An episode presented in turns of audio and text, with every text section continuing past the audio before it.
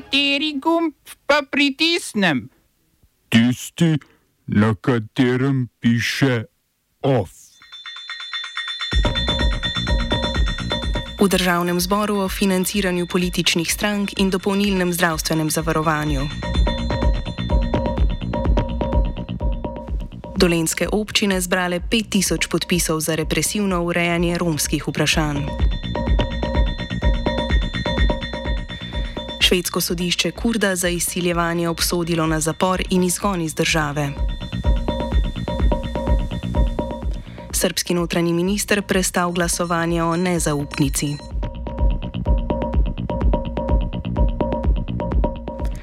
Okrožno sodišče v Štokholmu je obsodilo turškega kurda na štiri leta in pol zapora, potem pa izgon iz Švedske. Jahjo Gingerja je sodišče obsodilo za poskus izsiljevanja z orožjem, s čimer je želel kurdskega podjetnika prisiliti v plačilo delavski stranki Kurdistana, ki jo na švedskem in v Turčiji obravnavajo kot teroristično organizacijo. Po besedah švedskih toživcev gre za prvi primer, ko so na švedskem osebo obtožili poskusa financiranja v Turčiji preganjane stranke.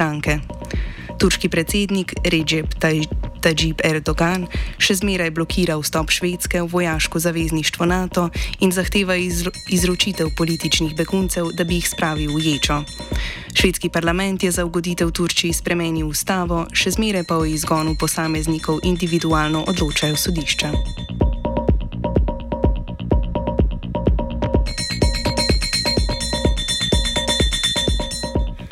Srpski minister za notranje zadeve Bratislav Gašič je prestal glasovanje o nezaupnici v srpskem parlamentu.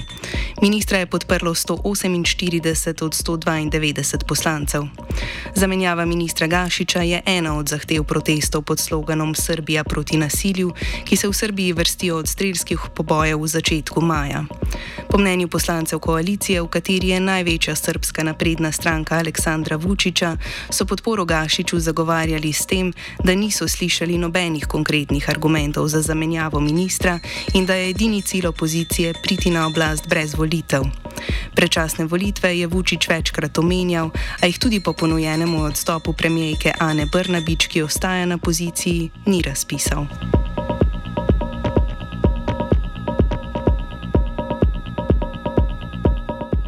Hongkonški parlament je soglasno sprejel zakon, ki zmanjšuje delež neposredno izvoljenih poslancev v občinskih svetih z 95 odstotkov na 19 odstotkov.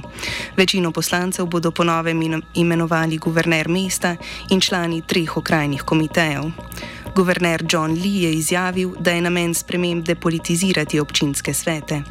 Hongkong ima korporativni volilni sistem, v katerem zakonodajni svet od zadnjih sprememb leta 2021 državljani neposredno volijo 20 do 90 poslancev. 30 poslancev izvolijo gospodarske interesne skupine, 40 poslancev imenuje volilni komitej, katerega člane prav tako volijo v interesnih skupinah. Na občinski ravni pa so bile doslej volitve skoraj povsem neposredne. Na občinskih volitvah leta 2019 so zmagali kandidati liberalnih strank, medtem ko v korporativno voljenem parlamentu prevladujejo poslanci naklonjeni centralni oblasti Pekinga.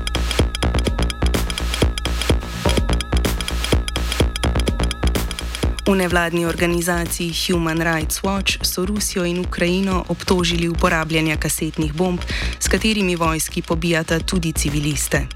V organizaciji, ki ima sedež v New Yorku, so pozvali Združene države Amerike, naj Ukrajini tega orožja ne pošljajo. Doslej v Združenih državah niso odobrili pošiljanja kasetnih bomb Ukrajini, vendar v Pentagonu o tem razpravljajo. Kasetne bombe so prepovedane z mednarodno konvencijo, ki velja od leta 2010, ratificiralo pa jo je 111 držav. Rusije, Ukrajine in Združenih držav ni med njimi.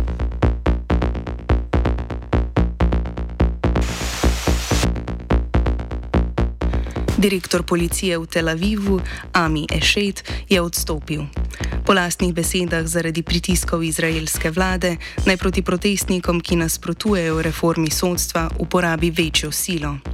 Kmalo po odstopu so se na ulicah Tel Aviva začeli protesti proti političnim pritiskom na policijo.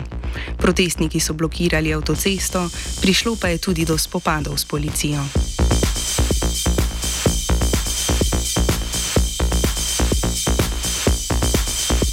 Palestinskem mestu Dženin na okupiranem Zahodnjem bregu so palestinci medtem organizirali shod žalovanja za umrle, ki so jih ta teden ubile izraelske sile. Na pogrebu desetih umorjenih je več tisoč palestincev nasprotovalo prisotnosti predstavnikov palestinske oblasti, ki kolaborira z izraelsko vlado. Predstavnike so z pogreba pregnali. Smo se osamosvojili, nismo se pa osvobodili. Naslednje število je še 500 projektov. Izpiljene modele, kako so se strani nekdanje LDS rotirali. Ko to dvoje zmešamo v pravilno zmes, dobimo zgodbo o uspehu. Takemu političnemu razvoju se reče udar. Jaz to vem, da je nezakonito, ampak kaj nam pa ostane? Brutalni obračun s politično korupcijo. To je Slovenija,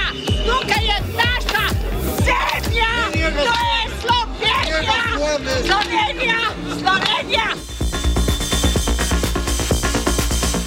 Sodniki so z vlado sklenili dogovor o ureditvi plačnih razmerij v sodstvu. Ministrica za javno upravo Sanja Ajanovič-Hovnik je pojasnila, da bodo sodniki uvrščeni na novo plačno lestvico, po kateri bo najnižja bruto plača v sodstvu okrog 4400 evrov, med najvišjo in najnižjo plačo pa bo 24 plačnih razredov. Dogovor vsebuje tudi dodatek za nezdružljivost sodniškega poklica z drugimi poklici v višini 10 odstotkov plače.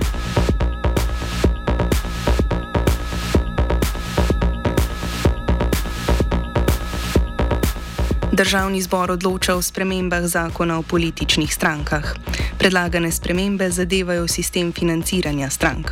Po dosedanjem sistemu se je četrtina državnih sredstev namenjenih financiranju strank po enakih deležih razdelila med vse stranke, ki so prejele vsaj en odstotek glasov na parlamentarnih volitvah. Tri četrtine proračunskega denarja za stranke pa so stranke dobile glede na volilni rezultat. Predlagane spremembe znižujejo delež enakomerno razdeljenega denarja na 10 odstotkov, 90 odstotkov pa si bodo stranke od prihodnjega leta razdelile glede na volilni rezultat, kar razmerje še bolj nagne v korist večjih parlamentarnih strank proti zunaj parlamentarnim. So pa sicer na kolegiju predsednice državnega zbora že podvojili skupno proračunsko financiranje političnih strank z 2 milijonov in pol na 5 milijonov evrov letno. Vodja poslanske skupine Svoboda Borut Sajovic. Med ljudmi je uveljavljeno reklo, da če ni reda pri denarju, ga ni nikjer. In to s tem zakonom v političnih strankah delamo. Uvajamo red, nadzor, disciplino in pa transparentnost. Odprto je ostalo vprašanje, kako urediti eh, financiranje recimo samostojnih podjetnikov, posameznikov in pa pravnih oseb, ki niso v posredni ali neposredni državni lasti. Z večino drugih rešitev se strinjamo vsi. Do sprememb zakona so kritični v pravni mreži za varstvo demokracije.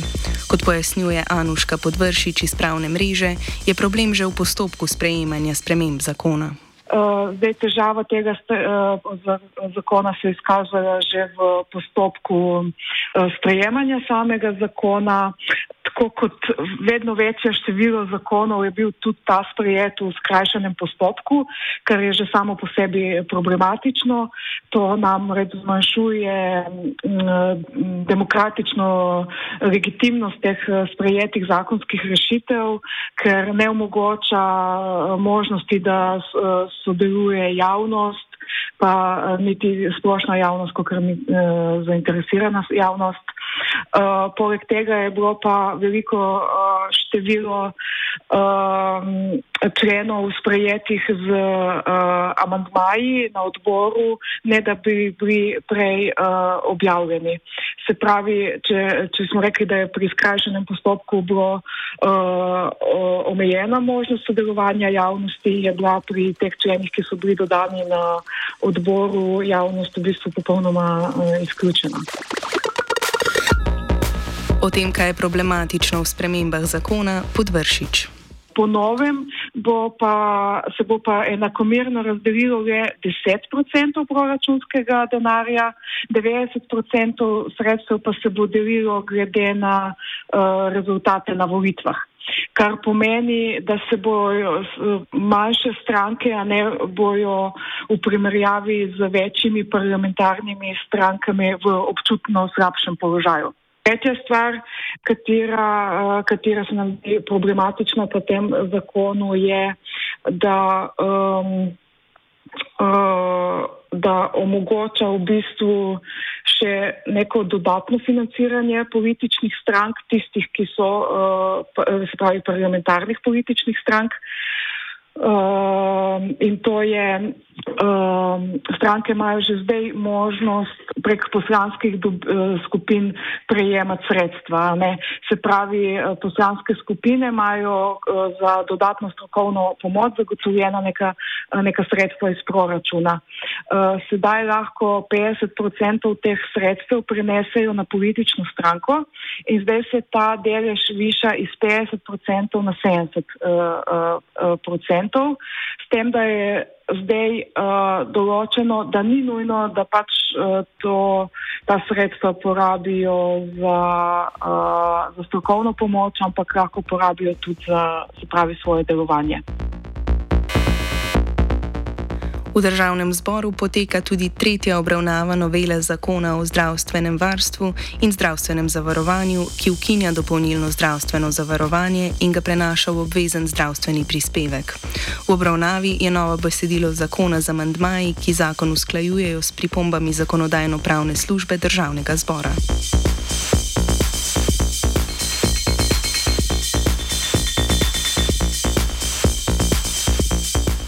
11 dolenskih občin je zbralo 5000 potrebnih podpisov za vložitev paketa sprememb zakonov v državni zbor.